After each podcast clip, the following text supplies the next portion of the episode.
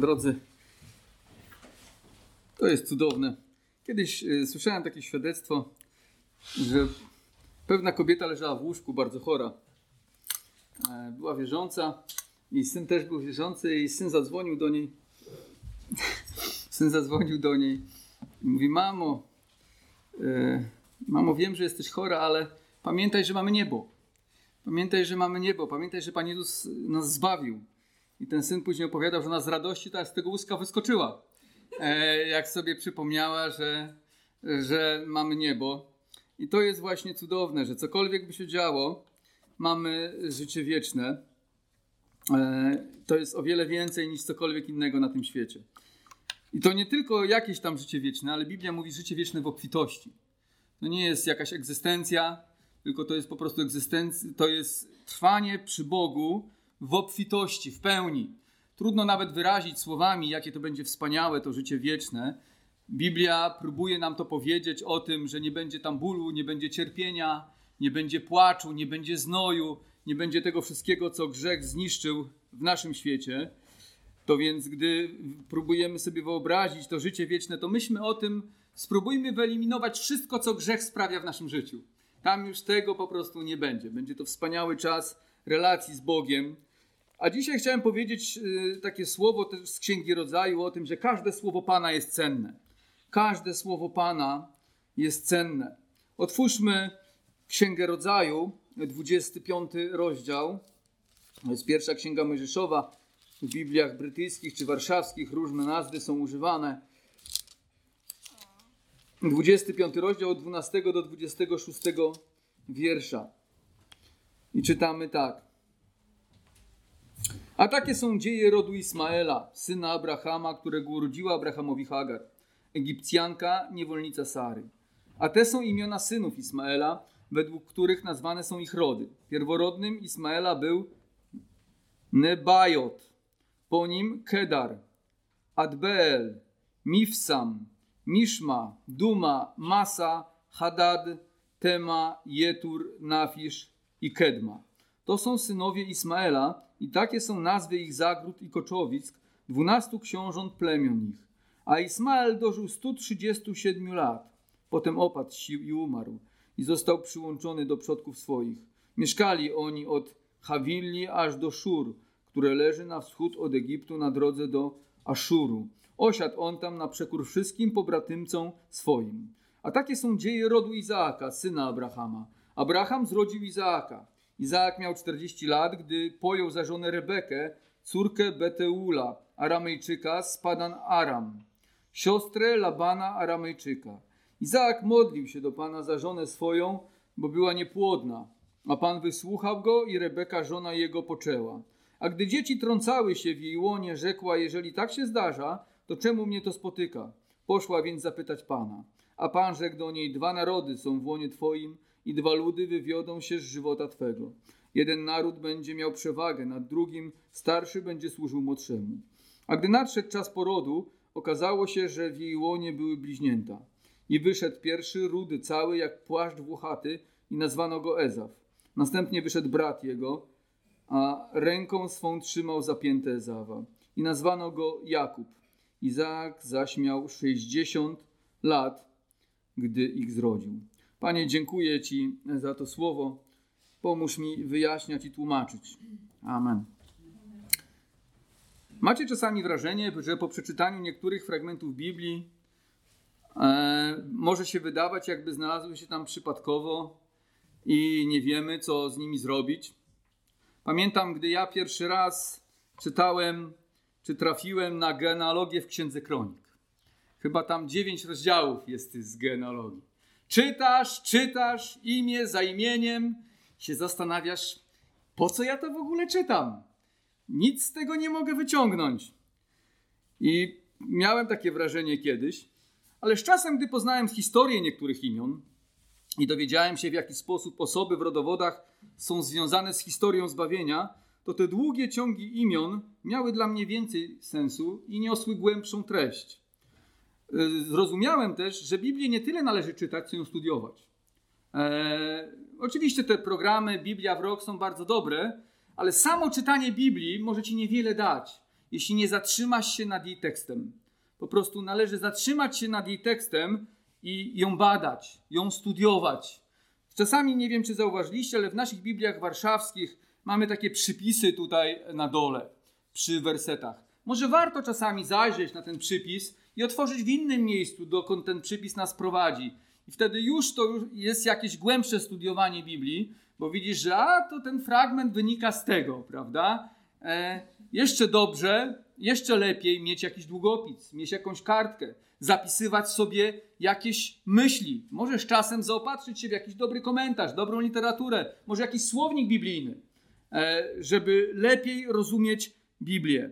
I tak było w moim życiu. Chyba wszyscy zgadzamy się co do tego, że jeśli Duch Święty umieścił coś w Biblii, to ma to znaczenie. Ja wierzę, że ma. Jeśli coś jest w Biblii, to ma to znaczenie. Często potrzebujemy więcej czasu i bardziej zagłębiać się w Słowo Boże, by to znaczenie odkryć. Ale możemy być pewni, że gdy już je odkryjemy, to wynagrodzi nam to poświęcony czas na studiowanie Biblii. Dlaczego? Bo Słowo Boże jest świeże, żywe, zachwyca nas, sprawia, że porywa nasze serca.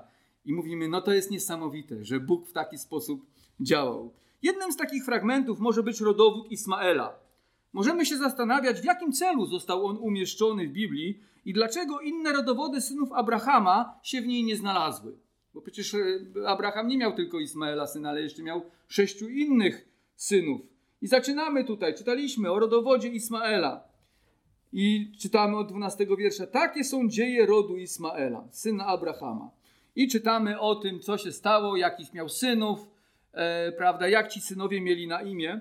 Zastanawiałem się nad tym i wydaje się, że rodowód Ismaela został nam ukazany, by podkreślić wierność Boga. Podkreślić wierność Boga i niezawodność Bożego Słowa. Skąd to wiemy?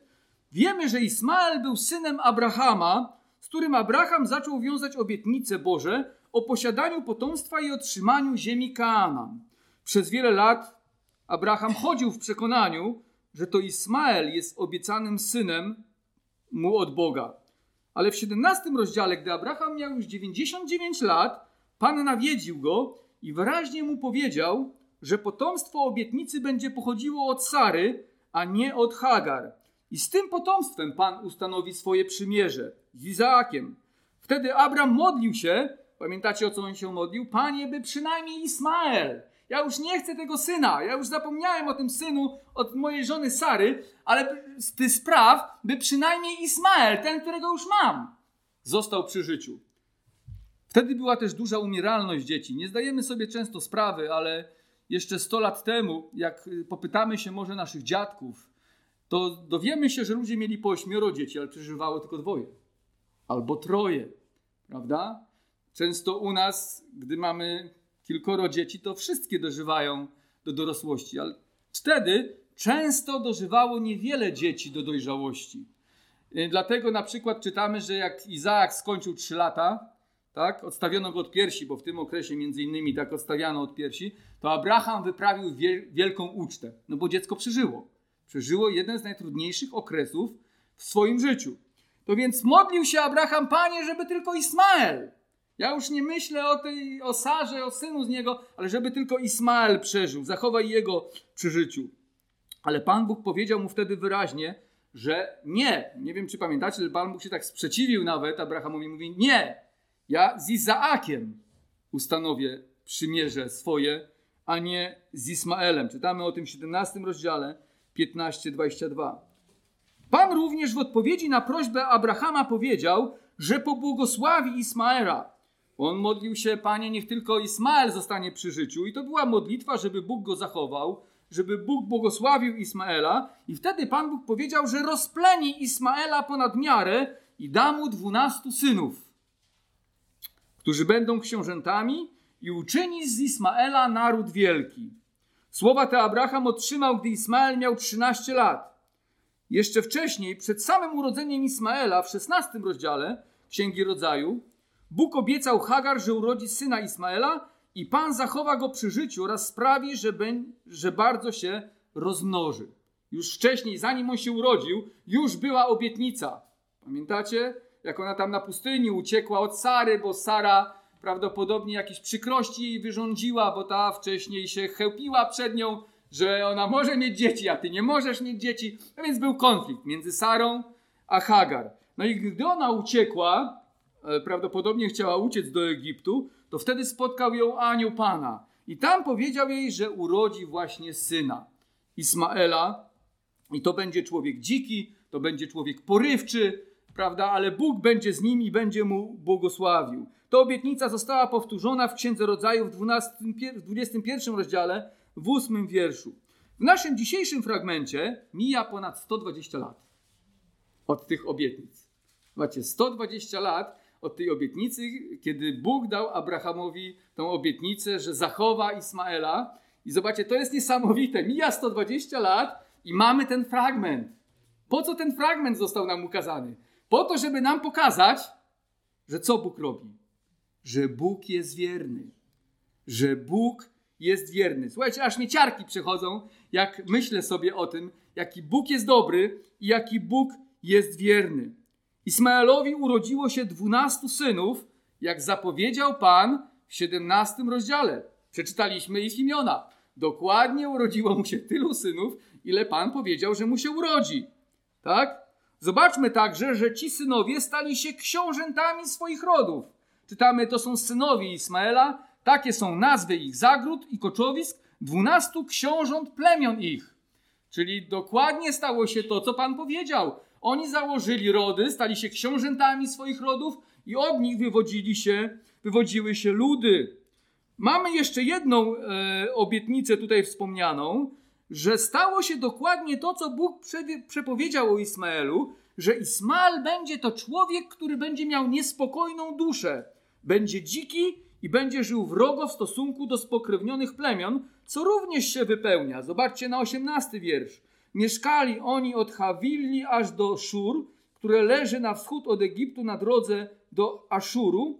Osiadł on tam na przekór wszystkim pobratymcom swoim. Znowu wypełniło się słowo Pana, dokładnie jak Bóg przepowiedział. To więc ten fragment jest umieszczony, żeby pokazać nam wierność Boga. Że Bóg jest wierny. Bóg wypełnił obietnice dane Abrahamowi. Wszystko, co zapowiedział Pan odnośnie Ismaela, spełniło się dokładnie wedle Bożego Słowa. Więc rodowód Ismaela mówi nam dużo o wierności Boga. Zobaczmy, jak daleko sięga Boża wierność. Biblia mówi, że już na początku upadku Bóg zapowiada Zbawiciela od Ewy w trzecim rozdziale Księgi Rodzaju, że kiedyś urodzi się potomek kobiety, który zgniecie głowę węża, jakim e, do diabła, to, do Ewy jest to powiedziane, że urodzi się potomek kobiety, zgniecie głowę węża. Wężem jest diabeł i szatan. Ale po wielu latach Bóg w Chrystusie wypełnia swoje słowo. Pan Jezus przychodzi około 4000 lat później i niszczy władzę szatana przez swoją ofiarę na krzyżu. Mówił dzisiaj o tym Maciek. Na czym ta władza szatana nad ludźmi polegała? Na tym, że diabeł mógł trzymać ich w niewoli, w grzechu i strachu przed sądem Bożym, bo nie została jeszcze objawiona Ewangelia łaski, która przynosiła przebaczenie. To więc ludzie ciągle się bali, ciągle żyli w strachu, ciągle żyli w lęku o przebaczenie, o to, jak będzie przed tronem Bożym, czy mają szansę na zbawienie. Ale Pan Jezus przez wiarę wyzwolił nas z niewoli śmierci i grzechu, które za sprawą diabła pojawiły się na świecie. W Księdze Objawienia w 20 rozdziale czytamy o ostatecznej i całkowitej klęsce diabła, gdy trafia on do jeziora ognia i siarki. Słowo Boże uczy nas o Bogu, że Bóg nie może zawieść. Nie może być tak, że kiedykolwiek Bóg nie dotrzyma swojego słowa. Widzimy, że był wierny w przypadku Ismaela, pomimo, że narodziny Ismaela były spowodowane niewiernością Abrahama. Pamiętasz o tym? To nie było tak, że Abraham był do końca wierny we wszystkim. Często był niewierny, często upadał. Nasze życie również jest naznaczone niewiernością. Upadamy i zawodzimy wtedy, kiedy powinniśmy okazać posłuszeństwo. Ale Pan pozostaje wierny. Nie porzuca nas, jeśli faktycznie jesteśmy dziećmi Bożymi, zaufaliśmy Mu i narodziliśmy się na nowo. O tym mówi apostoł Paweł w liście do Tymoteusza w drugim rozdziale w trzynastym wierszu. Spójrzmy na ten fragment. Drugi list Pawła do Tymoteusza, Drugi rozdział, trzynasty wiersz. Jeśli my nie dochowujemy wiary, on pozostaje wierny, albowiem samego siebie zaprzeć się nie może. Taka wspaniała obietnica. Nawet jeśli my upadamy, jeśli my zawodzimy i pokutujemy i odwracamy się od naszych grzechów, Pan nie porzuca nas, pozostaje wierny, bo samego siebie zaprzeć się nie może. Czego się nie może zaprzeć? Nie może zaprzeć się swego przymierza. Nie może zaprzeć się tej umowy, którą zawarł z nami, że zbawi nas przez wiarę w Jezusa Chrystusa. Nie może zaprzeć się swego syna. Obiecał, że zbawi tych, którzy zaufali mu przez wiarę w Chrystusa i na pewno on doprowadzi ich do końca drogi.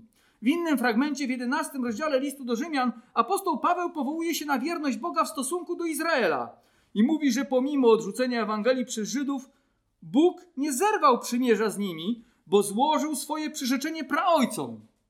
A kto to są praojcowie? Abraham, Izaak i Jakub, że obierze ich sobie i będzie się o nich troszczył. To więc apostoł Paweł na podstawie Bożej wierności mówi, że kiedyś Bóg odwróci zatwardziałość od Izraela i wyleje na nich łaskę. Bo zawarł przymierze z Abrahamem, Izaakiem i Jakubem, że zbawi ten lud, że będą go szukali, będą szukali zbawienia w Jezusie Chrystusie. Stąd w 11 rozdziale listu do Rzymian czytamy, spójrzmy, Rzymian 11, 25 do 28. I mówi tak apostoł Paweł: Żebyście nie mieli zbyt wysokiego o sobie mniemania, chcę wam, bracia, odsłonić tę tajemnicę. Zatwardziałość przyszła na część Izraela aż do czasu, gdy poganie w pełni wejdą. I w ten sposób będzie zbawiony cały Izrael, jak napisano: Przyjdzie z Syjanu wybawiciel i odwróci bezbożność od Jakuba. A to będzie przymierze moje z nimi, gdy zgładzę grzechy ich. Co do Ewangelii są oni nieprzyjaciółmi Bożymi dla waszego dobra. Lecz co do wybrania, są umiłowanymi ze względu na praojców. Bóg jest wierny. Bóg mówi, że kiedyś odwróci bezbożność od Izraela. W Psalmie 119, wierszu 89 jest napisane: Panie, słowo Twoje trwa na wieki, niewzruszone jak niebiosa. Słowo Twoje trwa na wieki, niewzruszone jak niebiosa. Jeśli cokolwiek jest pewnego na tym świecie, to na pewno to jest Boże Słowo. Wszystko inne jest chwiejne, ale Boże Słowo trwa na wieki. Jest niewzruszone jak niebiosa. O jak ja bym chciał, żebym ja taki był. Niewzruszony jak niebiosa. Niestety nie jestem. Często nie dochowuję wiary, ale Bóg jest wierny. Bóg jest wierny. Słowo Jego jest niewzruszone jak niebiosa. Obietnice Jego są pewne. Pan Jezus w 24 rozdziale 35 wiersza w Ewangelii Mateusza w kontekście zapowiadania swego powrotu powiedział: Niebo i ziemia przeminą, ale słowa moje nie przeminą. Moja mama, wczoraj rozmawiałem z moją mamą. Moja mama mówi: Jarek, chyba koniec świata idzie. Ja mówię: Idzie, mamo, idzie. Słowo Boże mówi, że idzie. Nie wiemy, kiedy będzie, ale idzie. Boi się tego, co będzie. Starałem się mówić jej o Jezusie Chrystusie, że w nim mamy pokój, ale widzę właśnie, że wtedy, kiedy człowiek nie ma tego oparcia w Jezusie Chrystusie, ma lęk, ma strach, nie ma pewności, bo nic pewnego na tym świecie do końca nie ma. Tylko jest Słowo Boże jest pewne. I dlatego my możemy oprzeć się na tym Słowie i możemy odeprzeć strach, lęk i obawy. Wiadomo, że ten fragment, który Jezus tam powiedział w 24 rozdziale, nie dotyczy tylko Jego powrotu, ale w ogóle słów Pana Jezusa. Słowo Jego jest pewne. Pan Bóg, mówiąc w ten sposób, chce nas utwierdzić w tym, że możemy Mu całkowicie zaufać i być 100% pewnym, że On spełni wszystkie swoje obietnice. Widzieliśmy to na wielu przykładach. Na przykładzie Abrahama, Ismaela, przyjścia Pana Jezusa Chrystusa i dziesiątek innych proroc, które Bóg już spełnił. Czy zastanawialiście się kiedyś, do kogo została napisana Księga Rodzaju? zacząłem studiować Księgę Rodzaju, zacząłem się nad tym zastanawiać. Do kogo ona była zaadresowana? Oczywiście wiemy, że do Bożego Ludu i do nas również. Ale tak jak listy Pawła lub Ewangelie mają swoich odbiorców, tak również miała Księga Rodzaju. Ale nie jest na początku napisane, że apostoł Paweł pisze do tych i do tych, albo Mojżesz pisze do tych i do tych. Nie mamy takiego tekstu. Bibliści zgadzają się co do tego, że autorem Księgi Rodzaju jest Mojżesz, któremu Bóg musiał objawić początki ludzkości i początki przymierza z Abrahamem oraz to, jak to przymierze się rozwijało. W związku z tym pierwotnym odbiorcą Księgi Rodzaju, jeśli Mojżesz jest autorem, musieli być Izraelici. Do nich została napisana pierwotnie Księga Rodzaju. Dlaczego do nich? Bo oni wychodzili wtedy z Egiptu. Potrzebowali utwierdzić się co do wierności Boga i kontynuacji przymierza. Prawda? I wtedy czytają, a to o to chodzi. Bóg wypełnia przymierze swoje, które zawarł z Abrahamem, że rozmnoży nas i pobłogosławi nas i da nam ziemię obiecaną. To więc, gdy czytali Księgę Rodzaju, widzieli, że Bóg jest wierny. Czego więc Izraelici mogli się nauczyć? Że Bóg jest z nimi i że naprawdę dotrzymuje swoich obietnic i że ich nie opuścił pomimo ciężkich doświadczeń w życiu. I po 430 latach, dokładnie tak jak obiecał, wyprowadza ich z Egiptu. My powinniśmy nauczyć się tego samego i być zachęceni podobnie jak oni. Bóg jest wierny i doprowadzi nas dokładnie do tego miejsca, gdzie chce, żebyśmy byli. Tylko trwajmy w nim. Trzymajmy się Jego, trwajmy w nim. Pan był wierny Abrahamowi i pobłogosławił Ismaela dokładnie jak powiedział, choć Ismael był owocem niewierności. Ale Bóg obiecał, że pobłogosławi go i pobłogosławił. Dlatego mamy to słowo, genealogię Ismaela. Następna rzecz jest taka, że błogosławieństwa do naszego życia przychodzą przez modlitwę. Należy się modlić nawet wtedy, kiedy wiemy, że Bóg i tak wykona swoją wolę. Abraham odszedł, a Izaak został spadkobiercą przymierza. Poślubił Rebekę i zamieszkał przy studni, gdzie Hagar spotkała tak zwanego, przy studni, y, tak, gdzie Hagar spotkała Boga i nazwano tą studnię studnią żyjącego, którym nie widzi. Prawda? To było wtedy, kiedy ona uciekła do Egiptu, już wspominaliśmy o tym. Jednak lata mijały, a Izaak wciąż nie miał dzieci, choć miał obietnicę, że Bóg pobłogosławi potomstwo Abrahama i rozmnoży je ponad miarę. Ciekawe, zobaczcie, że ma obietnicę, że będzie miał dzieci, że będzie miał potomstwo i nie ma. I nie ma. Niektórzy może chrześcijanie powiedzieli, a po co się modlić? Pan i tak wypełni swoją wolę. Niestety słyszę czasami takie teksty. Po co się modlić i tak Bóg zrobi co chce? No niestety, jeśli tak myślimy, to nie stanie się to, co, czego oczekujemy i nie będziemy, w, nie będziemy współuczestniczyć z tym, co Pan uczyni w naszym życiu. Zobaczcie, że pomimo obietnicy dzieci, dzieci w małżeństwie Izaaka i Rebeki nie przychodziły na świat. Izaak zderzył się z podobnym problemem, jaki wcześniej, z jakim wcześniej zderzył się Abraham. Spójrzcie na nas tekst. Czytamy, Izaak miał 40 lat, gdy pojął za żonę Rebekę, córkę Betula Aramejczyka, z Padan Aram, siostrę Labana Aramejczyka. Izaak modlił się do Pana za żonę swoją, bo była niepłodna, a Pan wysłuchał go i Rebeka, żona jego, poczęła. To więc ma obietnicę, ale nie ma dzieci. Bóg mu obiecał, że coś będzie, ale to się nie dzieje. To więc co mówi Izaak? A po co będę się modlił? Bóg i tak spełni swoje słowo. Czy w taki sposób on mówi? No niestety niektórzy chrześcijanie tak mówią. Słyszałem, że niektórzy chrześcijanie, po co będę się modlił i Bóg i tak zrobi, co będzie chciał. Oczywiście, Bóg zrobi, co będzie chciał, ale ty nie będziesz w tym uczestniczył. Zobaczcie, Izaak modli się za żonę swoją, chociaż ma obietnicę. Modli się i błaga, żeby żona jego miała dzieci. Po jakimś czasie musiało to bardzo martwić Rebekę i Izaaka, że nie mają dzieci. Ale pro, rozwiązaniem na ten problem, widzimy w 21 wierszu, jest modlitwa do Pana, której Pan wysłuchał. Nie wiem, czy zauważyliśmy, ale Izaak jest ukazany w Księdze Rodzaju jako człowiek modlitwy. Widzimy go modlącego się na polu, gdy przyjeżdża Rebeka, a teraz widzimy go, jak modli się, gdy Rebeka nie może mieć dzieci. Przez to Duch Święty. E, zobaczmy, że Duch Święty nie zatrzymuje się długo nad modlitwą Izaaka. I może się wydawać, że była to modlitwa krótka i szybka, a Pan od razu go wysłuchał. Ale spójrzcie na 26 wiersz. Następnie wyszedł brat jego, a ręką swą trzymał zapięte Ezawa i nazwano go Jakub. Izaak zaś miał 60 lat, gdy ich zrodził. A zaczął się modlić kiedy? Jak miał 40. Zobaczcie, 60 lat jak oni się urodzili, a zaczął się modlić jak miał 40 lat. 20 lat modlił się o swoją żonę, żeby jego żona dała mu dzieci. Żeby mogli mieć dzieci, żeby cieszyli się dziećmi, chociaż miał obietnicę. Chociaż miał obietnicę. Miał obietnicę, że Bóg rozmnoży jego potomstwo, a jednak modlił się, żeby Bóg pobłogosławił.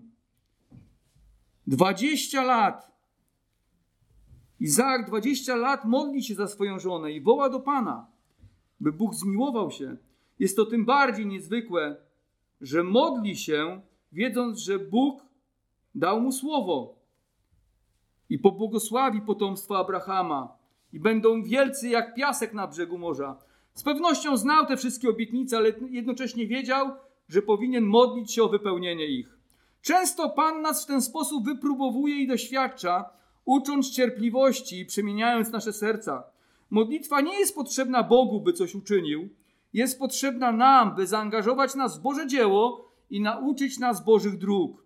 Boże obietnice nie mogą zastępować modlitwy, ale zachęcać nas do niej.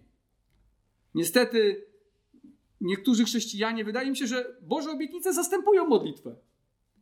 Nie, Boże obietnice mają cię zachęcać do modlitwy.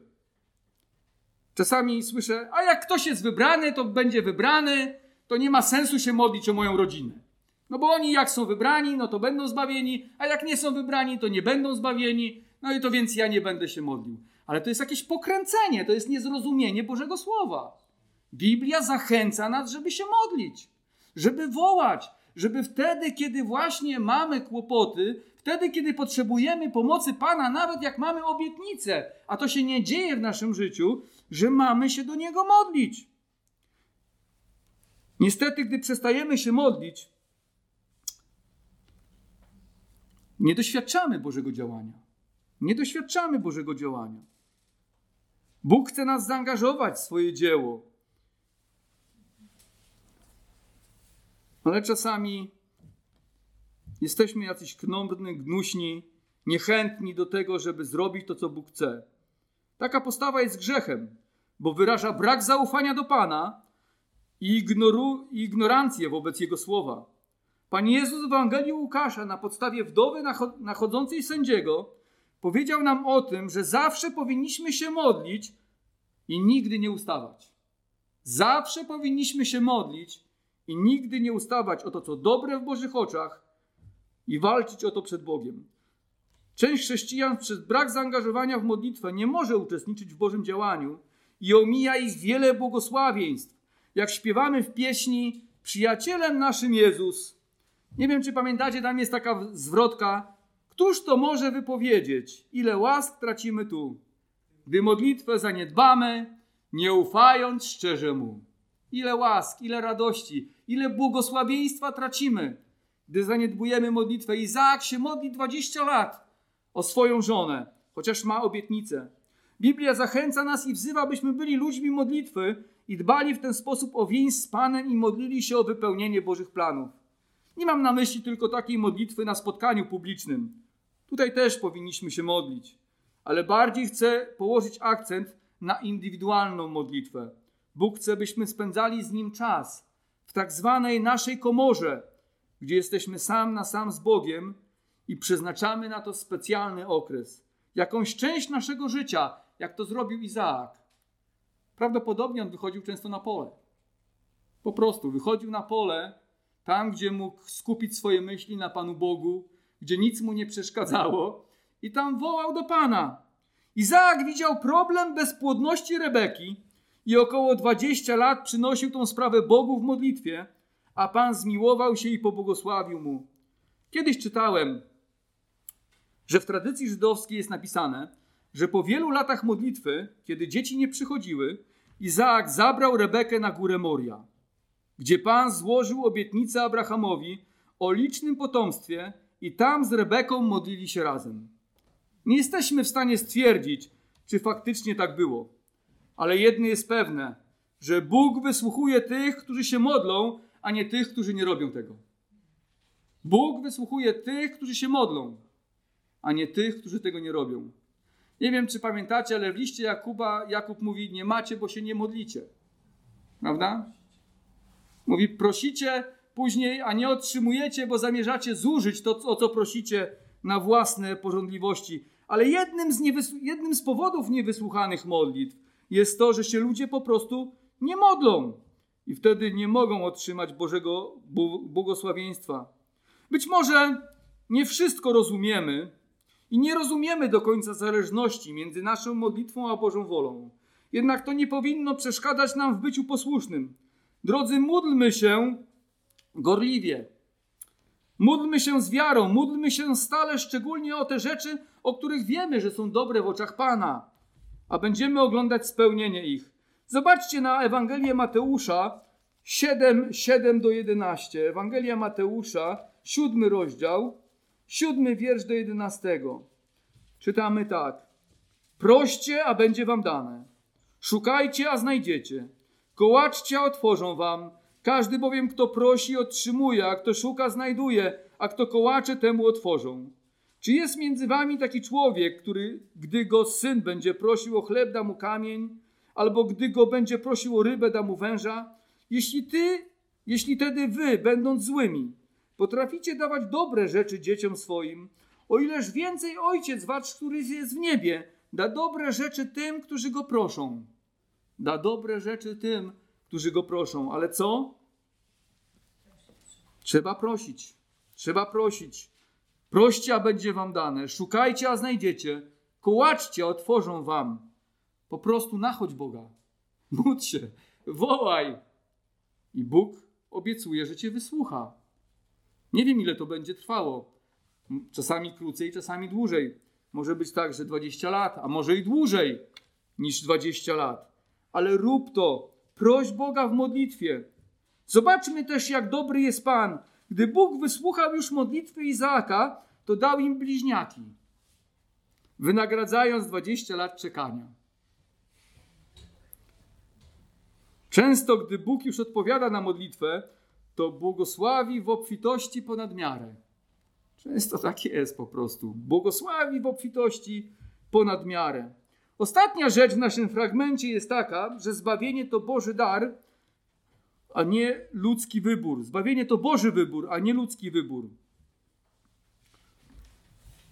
Zobaczmy, że to Bóg wybiera i powołuje oraz ustala zasady zbawienia, a nie człowiek.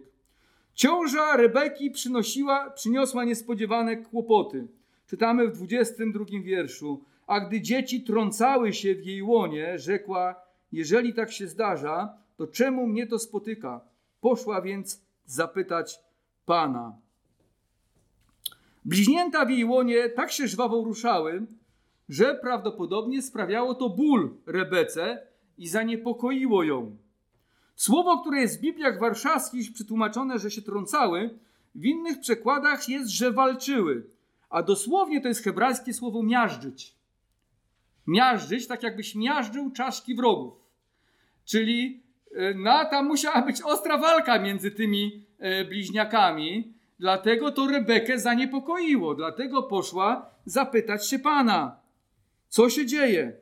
Pan wyjaśnił jej, że rozwija się w niej dwa narody – bliźniaki, których zachowanie jest prorocze. Tak? Pierwszym miał być e- Ezaf, tak? Pierwszy, pierwszy chłopak, od którego pochodzi Edom i Edomici oraz Jakub, od którego będzie Izrael. Walka dzieci w jej łonie była zwiastunem przyszłego konfliktu między Edomitami a Izraelitami. Przypowiadała także konflikt między Ezawem a Jakubem, i również to, że w końcu młodszy, czyli Jakub, wygra ten spór i zdobędzie pierworództwo oraz otrzyma Boże błogosławieństwo. Tak, zobaczcie, jak to Pan natchnął te serca tych małych dzieci, nie? Tak mam teraz takie maleństwo i sobie myślę, to jest takie niesamowite, że Bóg coś wkłada do serca, nawet takich, takiego maleństwa. Nie? Być może Jakub próbował tam wyprzedzić już w łonie tego Ezawa, żeby być pierwszy przed nim, bo czytamy, że on trzymał go zapięte, jak się urodził. Ale zobaczcie, ewidentnie je, ewidentne jest, że już tam coś Bóg włożył w serce tego niemowlęcia. Prawda? Już dał mu jakieś pragnienie, które właśnie wyrażała ta walka. Pierwszy urodził się Ezaf, czyli czerwony, bo był rudy. Czytamy w naszym yy, tekście. A gdy nadszedł czas porodu, okazało się, że w jej łonie były bliźnięta i wyszedł pierwszy rudy, cały jak płaszcz włochaty i nazwano go Ezaf. Nazwano go Ezaf. Dosłownie można to przetłumaczyć czerwony. Jakbyśmy chcieli tak y, dosłownie przetłumaczyć.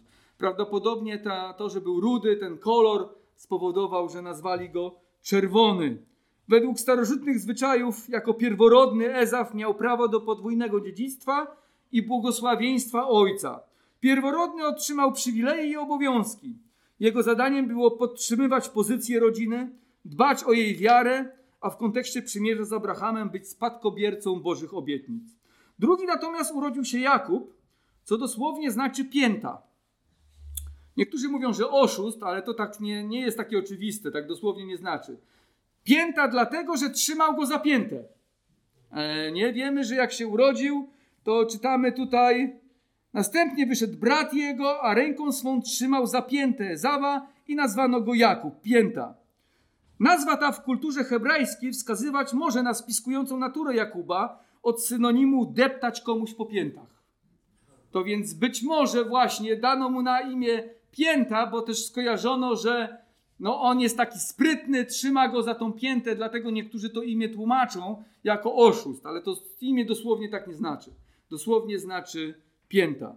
Cała historia ma za zadanie podkreślić suwerenność Bożego wyboru co do powołania i zbawienia. Jak jeszcze w przypadku Izaaka było zrozumiałe i naturalne, że będzie on spadkobiercą Bożych obietnic, a nie Ismael, bo pochodził z pierwszej żony i jego dotyczyło przyrzeczenie, tak w przypadku Ezawa i Jakuba widzimy, że Boże wybory nie są oparte na ludzkich procesach czy ludzkich staraniach, ale wyłącznie na Bożej woli.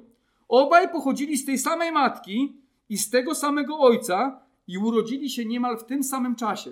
Zobaczcie, to jest ważne, że obaj, mało tego, Ezaf jeszcze urodził się pierwszy. Prawda? Czyli ta sama matka, ten sam ojciec, niemal w tym samym czasie, Ezaf jeszcze rodzi się pierwszy, ale wiemy, że błogosławieństwo otrzymał Jakub, a było to spowodowane działaniem Pana. Już w łonie Rebeki Bóg obrał sobie Jakuba przed Ezawem, kiedy ten próbował go wyprzedzić, a przy porodzie trzymał go zapięte. W końcu Jakub oszustwem doprowadził do pobłogosławienia go przez ojca. Jest to o tyle trudne do zrozumienia, że Jakub kłamstwem wyłudził błogosławieństwo ojca. Czy Pan był zaangażowany w to oszustwo? Może takie pytanie się pojawić. Nie, Pan nie był zaangażowany. Ale Bóg wykorzystał grzech Jakuba, by wypełnić swoją wolę. Jak wykorzystał grzech przeciwników Jezusa, by wypełnić plan zbawienia. Zobaczcie teraz, jaka musi być wielka mądrość Boga. Nie potrafię tego zrozumieć. To jest trudne do zrozumienia. Myślę, że na Ziemi nie jesteśmy w stanie tego zrozumieć że pomimo grzechu Jakuba, którego Bóg nie jest zaangażowany, tak, on przyczynia się do wypełnienia Bożej woli. Chociaż Bóg nie dał mu myśli, żeby oszukać e, Ezawa. Widzimy więc, że to Bóg rządzi całym planem zbawienia, a nie człowiek. Nie od człowieka też zależy powodzenie tego planu. Raczej Biblia pokazuje, że ludzkie wybory sprzeciwiały się Bogu, a jednak i tak zawsze działo się to, co chciał Bóg. Jest to o tyle niesamowite, że nawet ludzki grzech, kłamstwo Jakuba nie jest w stanie zniszczyć Bożych postanowień, a nawet wypełniają się one przez nie. Pomyślcie o historii Józefa. W jaki sposób on trafia do Egiptu? Przecież były zapowiedzi, że tam trafi do Egiptu. Musiał trafić do Egiptu, bo Bóg dał obietnicę Abrahamowi, że jego naród będzie w Egipcie 400 lat. Ale zobaczcie, w jaki sposób on tam trafia przez złość i nienawiść swoich braci. Czy Bóg pobudził braci Józefa do nienawiści? Czy Bóg sprawił, że ich serca były nakłonione przez Boga, żeby sprzedać Józefa? Oczywiście nie. Oczywiście nie, to był ich pomysł i to był ich plan. Wtedy, kiedy oni planowali, planowali zło, Bóg planował dobro. To jest bardzo ciekawe, bo tam, gdy czytacie Księgę Rodzaju, to zobaczycie, że w tym samym czasie, kiedy oni planowali zło, Bóg już wiedział, co będzie dobre. Nie? Po prostu ludzki grzech nie jest w stanie sprzeciwić się Bożym planom. Ludzka złość nie jest w stanie sprzeciwić się Bogu. Może w kontekście tej wojny. Patrzymy czasami na Putina, zastanawiamy się nad złością jego serca i może jego współpracowników. Cokolwiek by robił, nie jest w stanie sprzeciwić się Bożym planom. Nie znamy ich dokładnie odnośnie Ukrainy i dalej historii świata w szczegółach. Oczywiście my znamy koniec, ale szczegółów nie znamy. Ale jednego możemy być pewni, że cokolwiek by zrobił, to i tak Bóg wypełnia swój plan. Biblia doskonale wyraża to Psalm drugi, w którym czytamy, że zebrały się narody przeciw Panu i pomazańcowi Jego. Ale co z tego? Czy są w stanie pokrzyżować Boże plany? Czy w jakikolwiek sposób im zagrozić? Nie, oczywiście nie. Czytamy w Psalmie drugim: Pan śmieje się z nich. Zobaczcie, spójrzcie na to w kontekście Bożej mocy i w kontekście Bożej mądrości. Jaki On musi być wielki i mądry, że nawet gdyby cały wszechświat sprzeciwił się przeciwko Niemu, i tak wypełni się to, co On chce. To jest niesamowite. Później apostoł Paweł posłuży się tym przykładem, by wskazać nam, że zbawienie nie jest dzięki ludzkim środkom, ale dzięki Bożej łasce. Zwróćmy uwagę na list do Rzymian, 9 rozdział, od 6 do 13 wiersza. List do Rzymian, 9 rozdział, od 6 do 13 wiersza. A nie jest tak, jakoby miało zawieść Słowo Boże, ale bowiem nie wszyscy, którzy pochodzą z Izraela, są Izraelem i nie wszyscy są dziećmi, dlatego że są potomstwem Abrahamowym, lecz jest tak, że od Izaaka zwać się będzie potomstwo Twoje. To znaczy, że nie dzieci cielesne są dziećmi bożymi, lecz dzieci obietnicy liczą się za potomstwo. Ale bowiem tak brzmi słowo obietnicy. W oznaczonym czasie przyjdę i Sara będzie miała syna. A nie tylko to, gdyż dotyczy to również Rebeki, która miała dzieci z jednym mężem, praojcem naszym Izaakiem. Ale bowiem kiedy się one jeszcze nie narodziły, ani też nie uczyniły nic dobrego lub złego, aby utrzymało się w mocy Boże postanowienie wybrania, oparte nie na uczynkach, lecz na tym, który powołuje, powiedziano jej, że starszy będzie, słu słu będzie służyć młodszemu. Jak napisano, Jakuba umiłowałem, a Ezawem wzgardziłem. Jakuba umiłowałem, a Ezawem wzgardziłem. Musimy też patrzeć na to w kontekście narodów. Pamiętajcie, że Jakub to Izrael, a Ezaw to jest Edom. Prawda? I czytamy później w Biblii, że Edom został zniszczony przez Boga. E, nie? To więc nie chodzi o to, że e, Bóg nie chciał zbawić Ezawa. To nie o to chodzi, że Bóg nie zbawi Ezawa, zabronił mu po prostu szukać go. Chodzi o to, że po prostu to Jakub miał być tym pierworodnym. To Jakub miał być tym, który odziedziczy błogosławieństwo. To Bóg wybrał Jakuba. Paweł, posługując się przykładem Jakuba i Ezawa, dowodzi, że zbawienie nie wynika z ludzkich starań, ale z wyboru Bożej łaski. To Bóg jest autorem Bożej łaski, daru zbawienia, i on decyduje, w jaki sposób człowiek może go otrzymać i kto może je otrzymać. Żaden ludzki wysiłek nie może przyczynić się do wyboru Boga. Pierworództwo Ezawa wcale nie dawało mu pierwszego miejsca, bo Bóg wybrał Jakuba i uczynił to, zanim chłopcy się urodzili. Czyli Jakub nie uczynił nic, co spowodowałoby, że Bóg jemu okazał łaskę i postawił go przed swoim bratem. Tak każdy zbawiony człowiek nie został uratowany, bo Bóg coś dobrego w nim zobaczył. Nie dlatego, że twoje serce było lepsze niż serce twojego sąsiada. Albo ty jesteś, nie wiem, taki bardziej pobożny zawsze byłeś. Bardziej cię sprawy te interesowały niż innych. Nie ma tu w ogóle twojego wkładu. Nie ma odpowiedzi, dlaczego tak się stało. Po prostu jest jedna odpowiedź w Biblii, która jest ciągle powtarzana, bo Bóg tak chciał. Bo Bóg tak chciał, bo Bóg sprawił, że Twoje serce otworzyło się na łaskę Jezusa Chrystusa, a inne się nie otworzyły. To więc zależy to od Bożego suwerennego wyboru. Nie człowiek zdecydował o swoim zbawieniu, nie ty znalazłeś Boga, ale Bóg znalazł ciebie zgubionego w świecie, jak pasterz, który wyrusza na poszukiwanie zaginionej owcy. Teraz pomyśl o tym, jak powinieneś uwielbiać Boga i wywyższać Go, skoro nie Ty znalazłeś Boga, ale On znalazł Ciebie. Jak powinniśmy Go uwielbiać, że On spośród miliarda ludzi akurat dotknął mnie? Nie wiem, dlaczego to zrobił. Nie zasługuję na to. Nie jestem lepszy niż inni ludzie, nawet pewnie jestem gorszy. W niektórych aspektach widzę, że jestem gorszy niż inni ludzie. Są lepsi ode mnie, wielu lepszych ode mnie. A jednak Bóg w swojej łasce i dobroci sprawił, że moje serce otworzyło się na Ewangelię, że Twoje serce otworzyło się na Ewangelię. Nie Ty to sprawiłeś, Bóg to sprawił, Bóg wyruszył i znalazł Cię niby zgubioną owcę. Żydzi chcieli ustanowić własne środki zbawienia na podstawie ludzkiego wyboru i ludzkich uczynków, powołując się na pochodzenie od Abrahama i przestrzeganie prawa mojżeszowego. Ale Paweł pokazuje nam, że to Bóg decyduje, podając przykład Izaaka, który urodzi się wedle obietnicy, co ma oznaczać, że jedynie duchowe zrodzenie przez Boga sprawia, że stajemy się dziećmi bożymi, a nie ludzkie ustanowienia. Jak fizyczne pochodzenie od Abrahama nie gwarantowało przymierza z Bogiem, a tylko obietnica, tak teraz dziećmi bożymi są tylko ci, którzy przyjmą Chrystusa i zostaną duchowo zrodzeni przez Boga. Tylko tacy są dziećmi bożymi. Mój Kościół nie może dać zbawienia. Ja też nie jestem w stanie nikomu dać zbawienia. Mogę się modlić o zbawienie dla kogoś. Mogę prosić Boga, żeby Bóg kogoś zbawił i powinienem to, to robić, ale tylko Bóg może otworzyć serce grzesznika.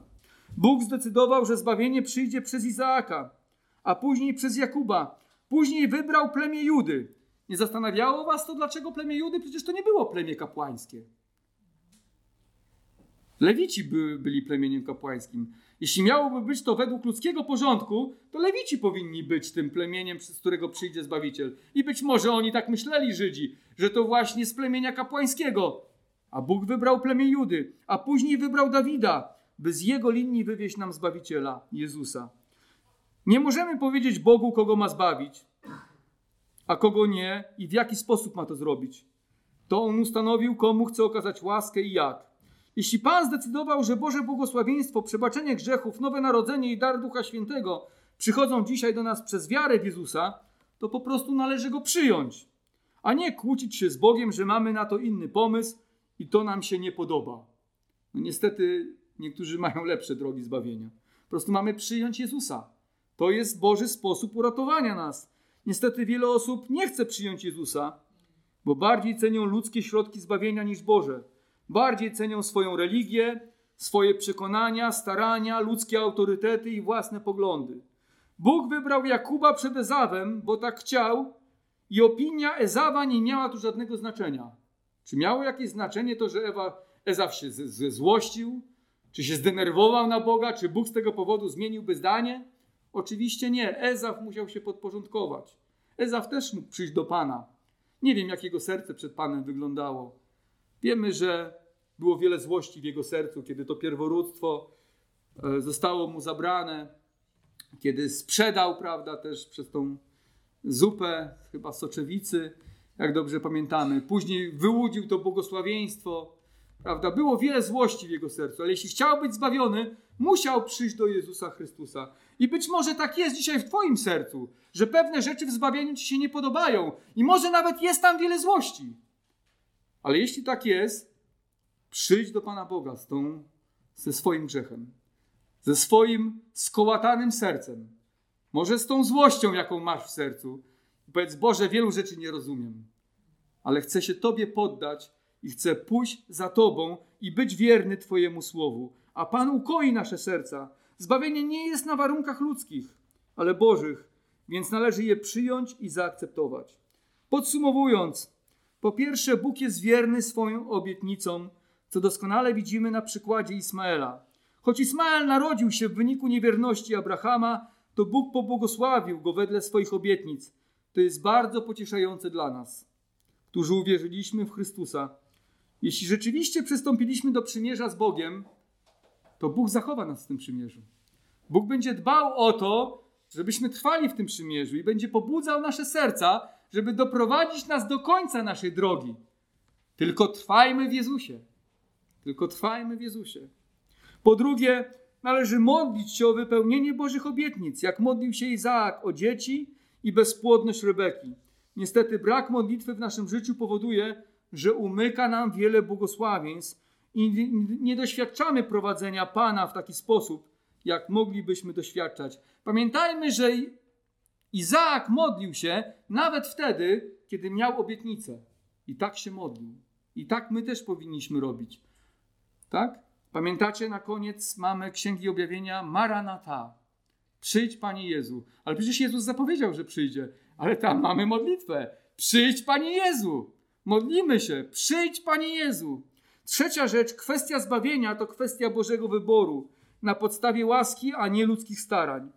Co Bóg doskonale ukazał przez wybranie Jakuba przed Ezawem. Pan zdecydował, że życie wieczne otrzymujemy przez wiarę w Jezusa, a nie na podstawie naszych zasług. Więc należy w Jezusa uwierzyć i odrzucić nasze pomysły na zbawienie. Po prostu być mu posłusznym, a wtedy będziemy mieli szeroko otwarte drzwi do królestwa Pana naszego Jezusa Chrystusa. Amen. Zachęcam do powstania i do modlitwy. Panie, jak niesamowite jest Twoje słowo, jak niesamowite jest Twoje zbawienie. Panie, gdy studiujemy Biblię, gdy czytamy ją, gdy zagłębiamy się w jej treść, widzimy, jak ona wiel, wiele głębi zawiera, jak bardzo pokrzepia nas, jak wielkie są Twoje obietnice. Ja Ci dziękuję za to nowe przymierze, o którym mówił dzisiaj Maciek, czytał Maciek. Boże, to jest przymierze pewne, to jest przymierze prawdziwe, przymierze, przez które dałeś nam największe i najwspanialsze obietnice. Panie, i wiemy, że zachowasz nas w tym przymierzu, jeśli naprawdę narodziliśmy się na nowo. Panie, nawet kiedy jesteśmy niewierni, Ty jesteś wierny. Pomóż nam w naszej niewierności, abyśmy pokutowali, odwracali się od naszych grzechów i szukali Twoich dróg. Panie, dziękujemy Ci za to, że zbawienie nie jest dzięki naszym zasługom, ale dzięki Twojej łasce, bo któż nas byłby na tyle odpowiedni, żeby sprostać Twoim warunkom. Boże, nikt z nas, tylko Ty, Panie, mogłeś okazać nam łaskę. Dziękuję Ci za to, za życie wieczne, które darowałeś mi w Jezusie Chrystusie. Amen.